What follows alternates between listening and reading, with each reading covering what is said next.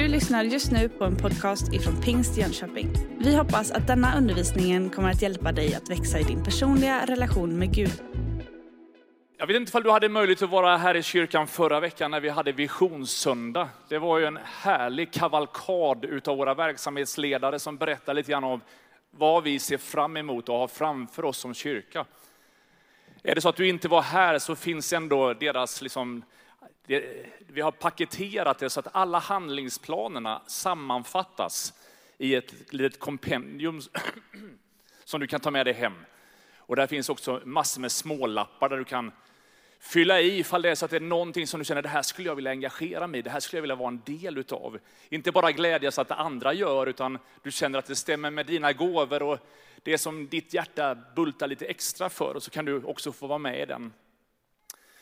Men den där visionssöndagen är ju också liksom ett, ett anslag för det här året av att vi skulle vilja se mer utav Gud. Och ytterligare några veckor bakåt så predikade jag utifrån ett, ett ord av helighetslängtan. Att vi skulle verkligen få se Gud så som han verkligen är. Mera. Och att distansen mellan det vi läser i Bibeln och det vi själva lever i skulle vara mindre. Och jag tycker det är så trostärkande när man hör Karl Olov liksom berätta om den där tiden då det var fullt med kryckor och käppar och allt möjligt där i entrén. Som en sån slags trosdeklaration utav att här inne verkar Gud. När vi ber så sker det saker, för Gud hör och Gud griper in. Och jag skulle önska att inte det bara är minnesbilder från väckelsetider eller starka skeenden i vår historia, utan att det här året att vi på riktigt skulle kunna få famna det. Vad skulle hända om våra liv lite mer präglades av Guds totala ingripande och överbevisning över att han är på riktigt. Jag tänker att det är ganska många passager i livet som skulle kanske bli lite enklare. Att någonstans bara kunna luta sig mot Gud och känna tack Jesus för det du gör. Och just nu känns det som att vi behöver de där miraklerna ganska mycket. När det känns som att vi balanserar på en knivsegg till världskrig.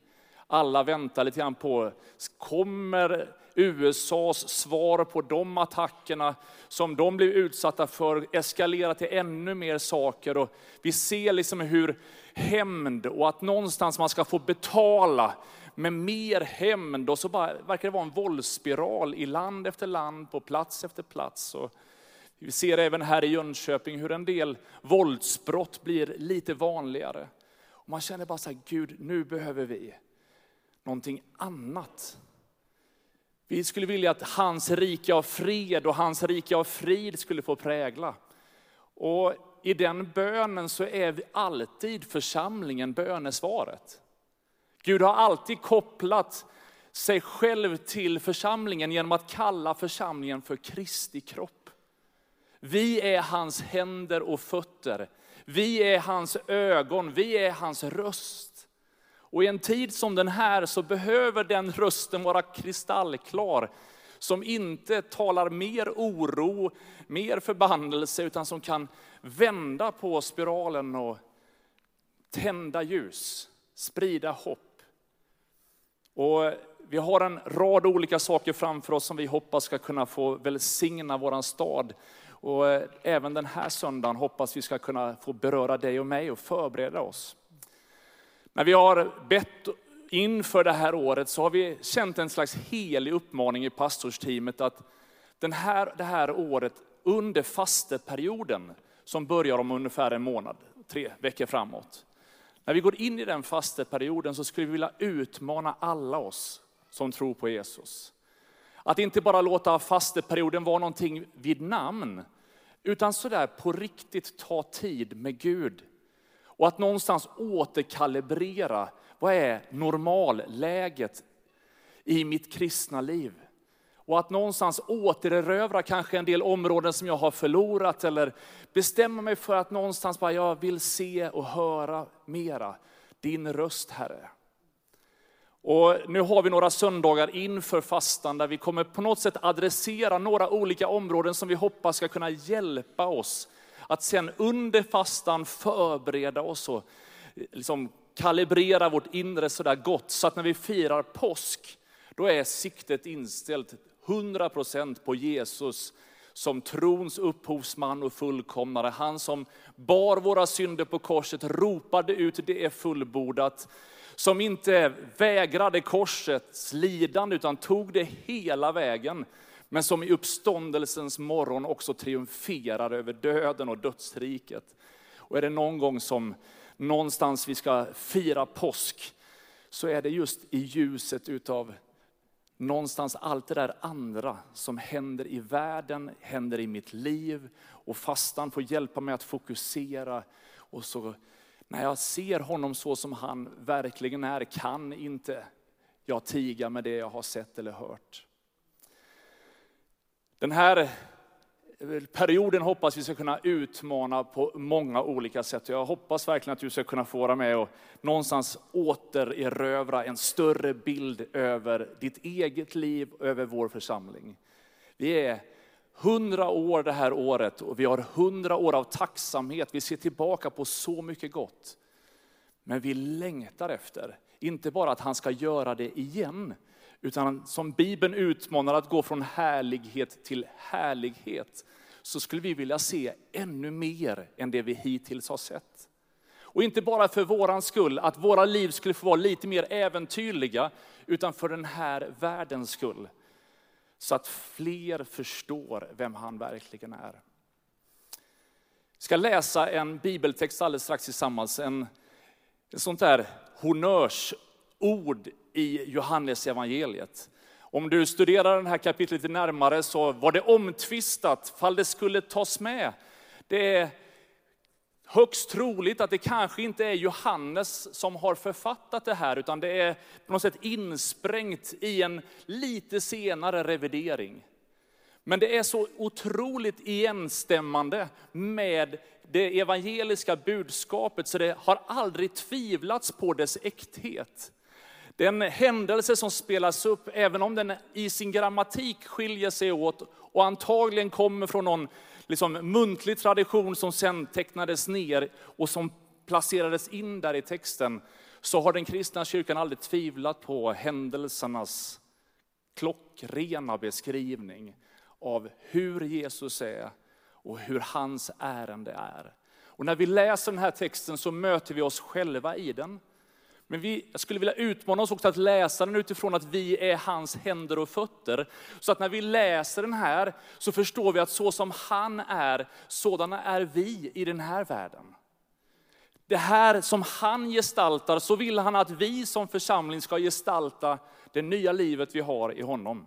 Ska vi resa oss upp och så läser vi tillsammans från Johannes kapitel 8.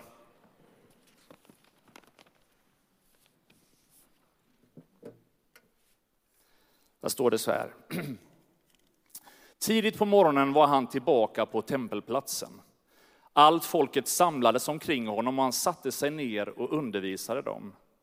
Då förde de skriftlärda och fariseerna dit en kvinna som hade blivit gripen för äktenskapsbrott. De ställde henne i mitten och sa, Mästare, den här kvinnan greps på bar gärning när hon begick äktenskapsbrott. I lagen har Mose befallt oss att stena sådana. Vad säger då du? Detta sa de för att pröva honom och få något att anklaga honom för. Men Jesus böjde sig ner och började skriva med fingret på marken. När de fortsatte frågade honom reste han sig och sa, den av er som är utan synd kan kasta första stenen på henne. Sedan böjde han sig ner igen och skrev på marken. När de hörde detta började de gå därifrån, en efter en, de äldste först. Han blev lämnad ensam kvar med kvinnan som stod där. Jesus reste sig upp och sa till henne, kvinna, var är de? Har ingen dömt dig? Hon svarade, nej herre. Då sa Jesus, inte heller jag dömer dig. Gå och synda nu inte mer. Herre, så lägger vi resten av den här gudstjänsten i dina händer. Tackar dig för din närvaro här.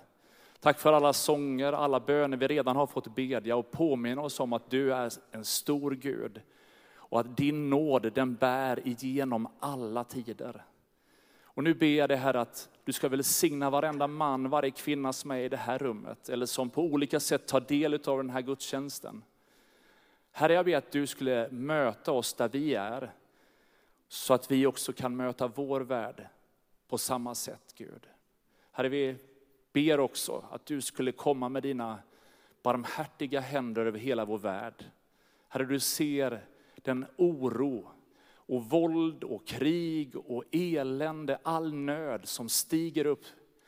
Herre, vi ber dig om ett slut på kriget, vi ber om ett slut på våldet, vi ber om att du skulle förbarma dig över alla som just nu är i nöd. Herre, vi ber för utsatta människor i våran stad. Människor som går och lägger sig på kvällen utan framtid och ett hopp. Som den här dagen gråter över sitt eget liv och sin situation. Herre, tack för att du kan trösta. Tack för att du kan komma nära. Tack för att du kan ge ny kraft. Och Herre, hjälp oss som församling att leva med en större bild. Att inte bara söka dig för vår skull, utan förstå att du har tänkt att lysa genom oss så att den här världen faktiskt lyses upp. Herre, vi ber om din välsignelse i Jesu namn. Amen, amen. Varsågod och slå dig ner.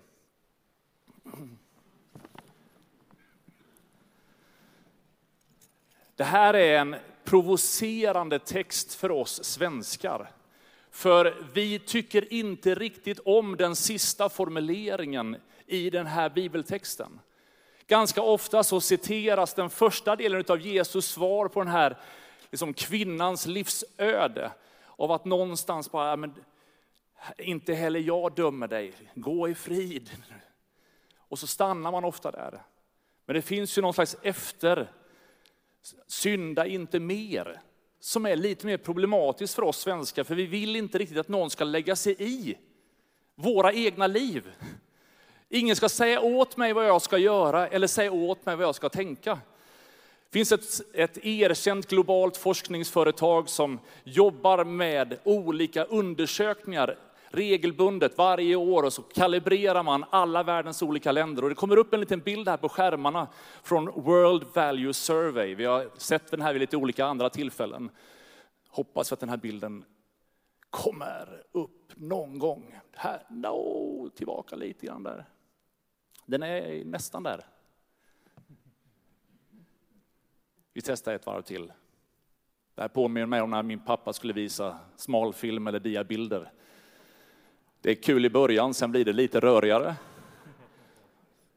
Jag ska inte säga hur de där tillfällena slutade. Jag vet inte om vi får till bilden, men i alla fall när man har kartlagt alla världens olika länder så konstaterar man att Sverige är exceptionellt annorlunda mot alla andra länder.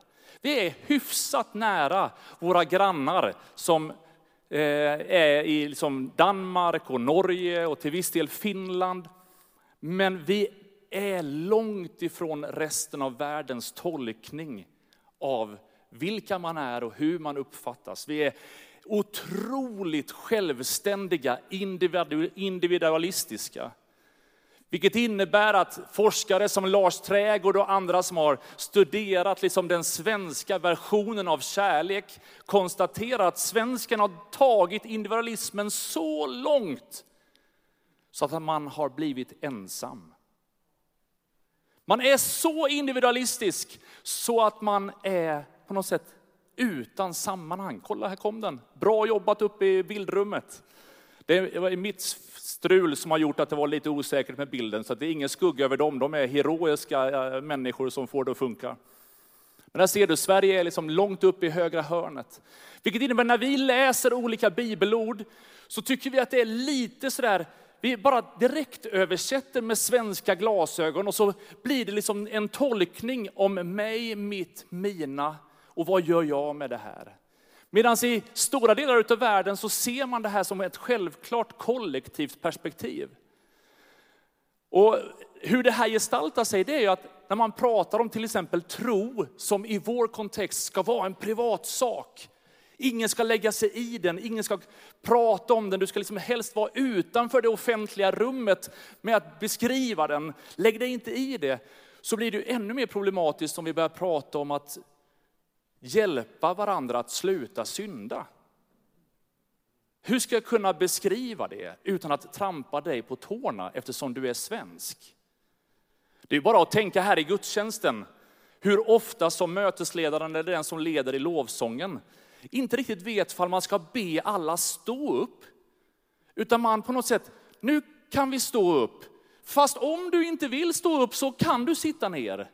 Men vi skulle nog kunna stå upp fast du, du gör som du vill. Eller vi försöker på något sätt vara lite fram och tillbaka. Vi, försöker, vi vet att svenskar vill inte kommenderas. I Afrika så är det ingen som ifrågasätter överhuvudtaget. Utan man tänker bara, nu ska vi stå upp, det är klart vi ska stå upp. Och om alla andra står så det är klart att jag ska stå. Varför ska jag liksom på något sätt vara motsträvig? Men vi svenskar tänker tvärtom, om alla andra står så bara, jag kommer sitta. Ja, ja det...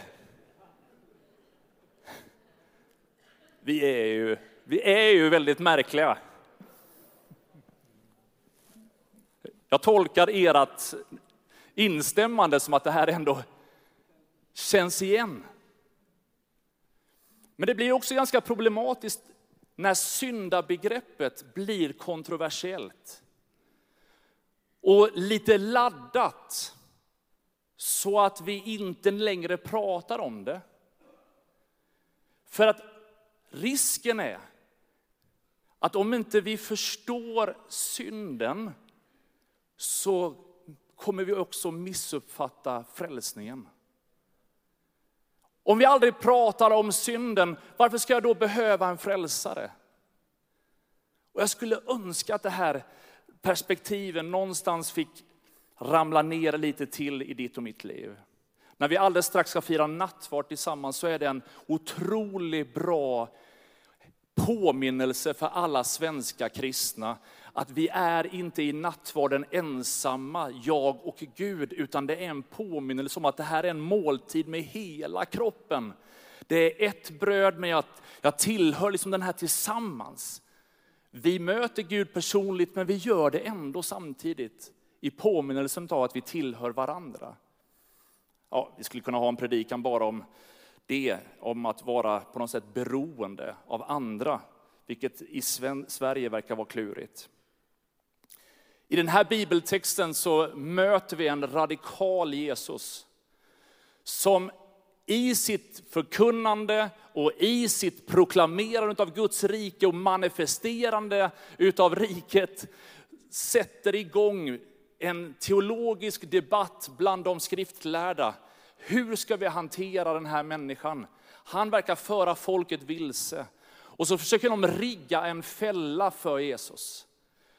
Och den här fällan är ju obarmhärtig. De utsätter en kvinna i hela den här diskussionen, tar fram den här kvinnan inför en hel folkhop och adresserar Jesus att den här kvinnan blev tagen på bar gärning när hon begick äktenskapsbrott. Mig veteligen är det omöjligt att bli tagen på bar gärning i ett äktenskapsbrott och vara ensam om den upplevelsen. Men det verkar som att vi män har en förmåga att väldigt många gånger använda kvinnor som slagträ för en dold agenda. Och det är bedrövligt varje gång det sker. Det intressanta är också att de ber Jesus avlägga en dom utifrån vad de har lärt sig utav Mose i den gamla lagen. Men om du läser den gamla lagen så var de lagtexterna skrivna till män. Det var alltid, i de, de som de citerar, var alltid riktat till män. Och om det var så att det var både en man och en kvinna som på något sätt hade liksom uppdagats kring detta, då var det självklart att båda två skulle drabbas av samma straff. Men det verkar som att de själva använde teologiska argument som de själva inte förstod. Men Jesus väljer att inte korrigera deras dåliga teologi, utan hans sätt att hantera det är att skriva i marken. Och det här, det här har ju människor diskuterat i ända sedan dess, eh, den händelsen var. Vad var det han skrev? Och du har kanske hört en och annan liksom evangelistisk, evangelistisk tolkning av vad det skulle kunna innebära. Men ingen vet vad som står. Det som är däremot tydligt i den antika världen under den tiden, det var att själva sättet han gör, att han böjer sig ner och skriver i sanden, det i sig är en proklamation över att det som sägs inte rör honom i ryggen alls. Han är helt bekymmerslös. Det är liksom att skriva där i sanden samtidigt som någon liksom, liksom reagerar på frågan. Som tonårsförälder kan man ju känna igen sig när man ber sina barn göra vissa saker. Att man känner som att, hör du ens vad jag säger? De är inte här för att försvara sig, så jag vet inte riktigt, jag ska inte ta den här för långt. Och så skriver de där, han skriver där i sanden. För han är inte ute efter att döma människor. Det här med att anklaga, komma med dom och straff, det är inte Guds hjärtslag. Så att prata om synd kan aldrig vara hårt och dömande. Det kalibreras alltid genom Guds egna ögon och hans eget perspektiv. Jag är inte ute efter att döma dig. Och så böjer han sig ner och skriver. Talar sen så småningom till de som står och anklagar. Han svarar inte på deras fråga, utan han säger att den utav er som är fri från synden, ni kan kasta första stenen.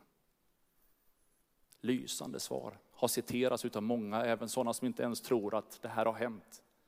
Just för att det är en sån avväpnande, retorisk fråga att någonstans ransaka sig själv först. Och Det är det som fasteperioden också gör med oss, när vi om några veckor ska gå in i den, att någonstans bara låta Gud få tala in i våra liv, röra vid våra hjärtan, beröra oss. Det som är intressant är att de äldsta i sammanhanget är de första som ger upp. De som är mest andligt erfarna är de som går därifrån först.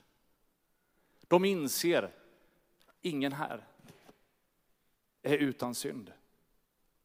Jag tycker det är intressant att de som alldeles nyss kom som några andliga supermans, som var lite mer andliga än de andra, som hade lite mer koll på teologin än de andra, helt plötsligt så är de helt teologiskt jämlika. Kvinnan som de här, alla står där och ingen kan kasta den första stenen i Jesu avslutande liksom formuleringar så förstår vi ju någonstans ändå. Han som är allsmäktig Gud har i egentlig mening rätt att döma. Men väljer att säga, inte heller jag dömer dig. Och så finns det ett gå och synda inte mer. Riktat till kvinnan vid det tillfället, men för alla oss som tror. Det finns en fortsättning. Det spelar ingen roll hur trassligt det är, hur mörkt det har blivit, hur krångligt livet har blivit, så finns det alltid en framtid. Det finns en, ett, en comeback, en återupprättelse i Kristi händer. Ibland så kan skuld och skam och allt det där lägga sig som ett lock och parkera över oss. Och även om vi ber om förlåtelse till de människor som vi kanske har sårat, så verkar vi ha svårt att förlåta oss själva för det vi har gjort. Så att vi går med lite sänkt blick, lite dåligt stukat självförtroende och någonstans så kan det där äta upp oss på insidan. Men himmelens hälsning är att det finns ett gå det finns en fortsättning, det finns någonting där du kan få lägga ifrån dig någonting som har varit och nu leva ett nytt liv i Kristus. Jesus förkunnade tidigt i sin offentliga gärning, i Markus kapitel 1 så står det så här att tiden är inne och Guds riket är nära. Och så säger han, omvänd er och tro på evangeliet. Att någonstans, har, när du har talat om vad Jesus har gjort för dig, när du har tagit emot Jesus som frälsare i ditt liv, men låt det här bli, bli en omvändelse, att du nu börjar leva ditt liv utifrån de nya förutsättningarna. Att inte bara tänka att Gud möter upp mig där i min nöd, utan han ger mig också kraft till att inte hamna i det läget igen. Omvändelse, ett centralt begrepp i hela vår tro. Och ändå verkar vi så ofta nästan tro att vi inte längre behöver det. När Petrus predikar på pingstdagen så säger en del människor som hörde hans förkunnelse att det här bara tog tag i deras hjärtan och nu behövde de, bara, vad ska vi göra nu? Det här, vi vill ha det här som du talar om. Och då så säger Petrus svarar dem och säger, omvänd er och låt er alla döpas i Jesu Kristi namn så att era synder blir förlåtna. Vi har en dopassäng här. Och är det en bön som jag skulle önska att vi som församling bad, det är att den här fick användas mycket mer ofta än vad den gör. Det är underbart att ha finansiell kontroll i församlingens ekonomi. Det är superbra att vi håller stadgar och regler och har volontärer som sluter upp i lite olika projekt. Och allt det där ska vi följa och samtala om. Men vi borde ha lite mer nöd i våra hjärtan. Att den här bassängen skulle användas oftare. Men hemligheten eller liksom rikedomen i dopet, det kan vi få celebrera ofta i våra liv. Vi döps en gång till Kristus. På vår egen bekännelse så låter vi oss bli döpta. Och varje gång som vi firar nattvard och kanske ber så kan vi få tacka Gud för att en gång fick jag överlämna all min synd i Guds händer och bara bli frälst och helt inneslutas utav honom. Vilken skatt det är. Men det verkar finnas en omvändelse som faktiskt Gud förväntar sig ska göra någonting med oss. I Lukas evangeliet kapitel 3, vers 8 så säger Bibeln så här. Bär då sådan frukt som hör till omvändelsen. Bär då sådan frukt som hör till omvändelsen. Låt ditt liv nu gestaltas av att någonting har skett i ditt liv. Att när du har blivit döpt, när du har fått begrava det gamla, när du har fått släppa allt det där. Låt nu ditt liv vara fyllt av konsekvenserna, frukten utav vem han är. Om jag skulle fråga människor i din närhet, sådana som jobbar med dig, kanske är klasskompis med dig eller har sommarstugan bredvid dig eller vad det nu är för någonting. Om de skulle beskriva dig för mig, vad skulle de säga då? De som kanske bor grannar med oss som inte känner oss sådär superväl men ändå möter oss lite ganska sådär. Vad, skulle de, vad är deras bild av vilka vi är? Och hur mycket av den frukt som jag skulle önska var lättplockad från mitt liv är verkligen det? Om de får beskriva den. Och här kan jag känna en otrolig ödmjukhet att vandra i den här omvändelsen. Och Paulus skriver i andra Korinthierbrevet 7 så här. När vi nu har dessa löften, mina älskade, så låt oss rena oss från allt som befläckar kött och ande och fullborda vår helgelse i vördnad för Gud. Många krångliga ord här. Låt oss rena oss från allt som befläckar oss både kött och ande och fullborda vår helgelse. Vi kan inte frälsa oss själva. Det är bara av nåd. Som Johan deklarerade i sången, det enda som bär, det som håller mig i, liksom, det är verkligen bara nåd att jag får vara frälst. Samtidigt så vill Gud att vi ska förvalta den nåden genom att jobba, arbeta, med att fullborda vår helgelse. Ge plats för allt det Gud är och säga, Gud du som har skapat mig, som känner mig bättre än vad jag känner mig själv. Hjälp mig att förstå mer din bild av mig. Och att låta sig renas är att tillåta den här omvändelsen ta plats. I ett annat eh, bibelsammanhang i första Thessalonikerbrevet 4 så säger Paulus att hur ska ni leva för att behaga Gud? Och det är här jag tänker tillbaka till den här World Value Survey-grejen. Där vi så många gånger tänker, what's in it for me? Hur ska jag få ut max av mitt liv? När egentligen frågan skulle vara, Gud, hur kan jag ära dig med mitt liv? Hur kan jag gestalta med allt det jag gör, mitt sätt att prioritera min tid, mina pengar, mina relationer, mitt sätt att, hur kan det här få bli till din ära? I en tid då så många strålkastare är riktade just på oss själva. Hur ska vi leva för att behaga Gud? När Jesus får frågan vilket som är det viktigaste budet så svarar han att ni ska älska Herren er Gud av hela ert hjärta, all er kraft, hela ert förstånd, hela er själ. Han adresserar kärleksrelationen som grundfundamentet för såväl omvändelse som gemenskap som livet och att någonstans vårda den kärleken till Gud. Innerligheten som Gud har för oss. Han bjuder in oss till en sån gemenskap.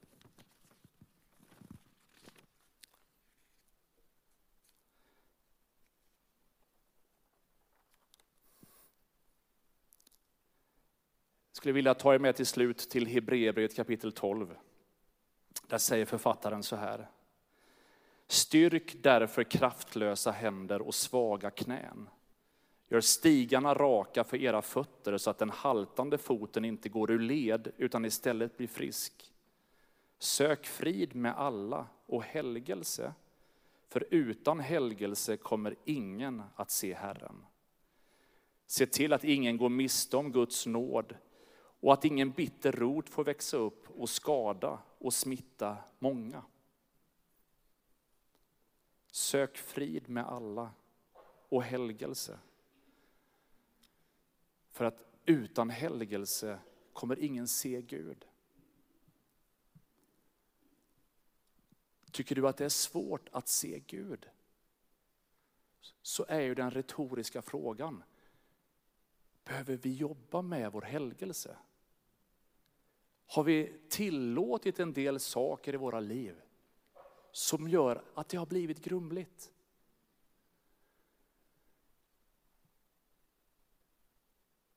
Vi håller på att renovera vår tvättstuga hemma. Och eh, jag började med några sådana här recover-tapeter som vi skulle måla på, men jag missbedömde fullständigt hur mycket klister man skulle ha på dem så att det blev bara värre. Så jag bara insåg att det, vi får bredspackla de här väggarna. Så frågade jag en i församlingen här som är superproffs på att bredspackla. han har gjort det liksom i kanske 75 år av sitt liv. Lite retoriskt hade jag nog en dold agenda att jag skulle önskat att han hjälpte mig, men han bara sa, ja, men det här fixar du. Absolut, det är klart jag gör. Och så gav han mig lite instruktioner. Och eh, det, jag ska, ska fira ståtligt när det så småningom är färdigt, om det någonsin blir färdigt. Men nu håller man på där och spacklar och slipar och spacklar och slipar. Och när jag beklagar mig en gång till honom, så bara, hur många gånger ska man behöva slipa? Då sa han bara så här, du ska inte slipa, du ska göra det rätt från början. tack för uppmuntran, tack för uppmuntran. Men häromdagen när jag stod där och slipade och höll på och grejade så är det ju så tunt slipdamm som blir i luften. Och jag har i vanliga fall kontaktlinser. Och min teori är att några av de där dammpartiklarna letade sig in mellan min kontaktlins och ögat. Så att jag liksom kände på torsdagen liksom att det här skaver i ögat. Och sen var det som att vid lunch, då kunde jag inte ens vara kvar på jobbet, för det bara, det såg ut som att ögat höll på att bara sprängas, så rött var det och det bara forsade, liksom, det bara grät, och jag bara grät och grät. Kroppens reningssystem satte igång. små dammpartiklar, små finkornigt, som nästan inte alltid syns, påverkade ändå synen. Utan helgelse kommer ingen att se Herren.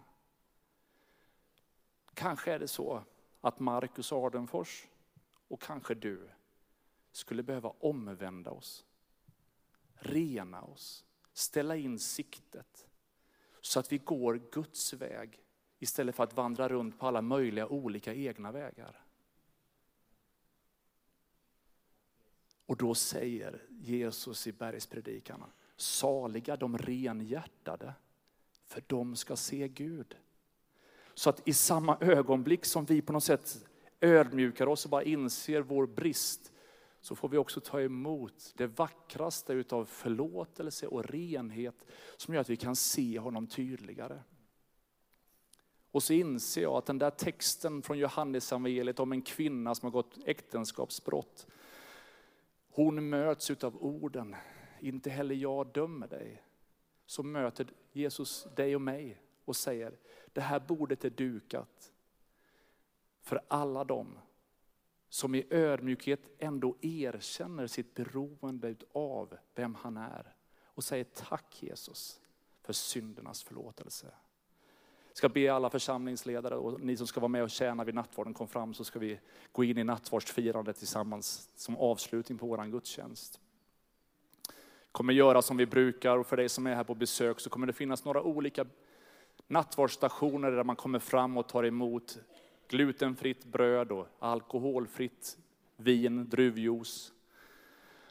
Och så när man tar emot brödet och tar emot av bägaren så är det den starkaste bekännelsen av att Jesus, tack för vad du har gjort för min skull. Jag erkänner mitt totala beroende av dig. Och sen längst ut på kanterna här så kommer det också finnas möjlighet till förbön. Det kommer vara stående förbön på varje sida. Vill du sitta så kan du bara säga till förebedjarna att du gärna vill sitta. Eh, men vi ger plats till många. Och jag tänkte vi skulle göra någonting som inte är jättevanligt i vår kyrka här. Det är att vi gemensamt innan vi nu firar nattvard läser och ber syndabekännelsen. För synden som vi behöver omvända oss från, det är inte liksom bara de där, utan vi alla behöver hjälp att någonstans hitta tillbaka till kursen. Se Jesus lite tydligare. Så jag tänker att vi, texten kommer upp här på skärmarna och så ber vi det här som en bön tillsammans. Hänger ni med? Jag bekänner inför dig, helige och rättfärdige Gud, att jag har syndat med tankar och gärningar. Jag har inte älskat dig över allting och inte min nästa som mig själv. Genom min synd är jag skyldig till mer ont än jag själv förstår och har en del i världens bortvändhet från dig. Därför ber jag om hjälp att se och bryta med mina synder. Förlåt mig för Jesu Kristi skull. Herre, jag tackar dig för förmånen att få fira nattvard. Där vi får proklamera din seger över allt ont. Men jag tackar dig också för att där på korset så lät du ditt blod rinna för alla våra synder. Herre, tack för att ingenting är för stort, ingenting är för litet för att du inte kan rensa. Och Herre, vi längtar efter att se dig tydligare. Därför ber vi dig att du skulle rena våra hjärtan. Herre, jag ber dig Herre att vi skulle få gå in i en tid under fasteperioden nu med att återerövra att du har första platsen i våra liv. Att din röst är den starkaste och viktigaste rösten i våra liv. Och Herre, tack för att du vet att vi är bristfälliga. Därför så har du gett oss din helige Ande för att hjälpa oss och bistå oss. Vi ber om din välsignelse i Jesu namn. Du har just lyssnat på en podcast ifrån Pingst Jönköping. För att få reda på mer om vilka vi är och vad som händer i vår kyrka så kan du gå in på pingstjonkoping.se eller följa oss på sociala medier via pingstjkpg.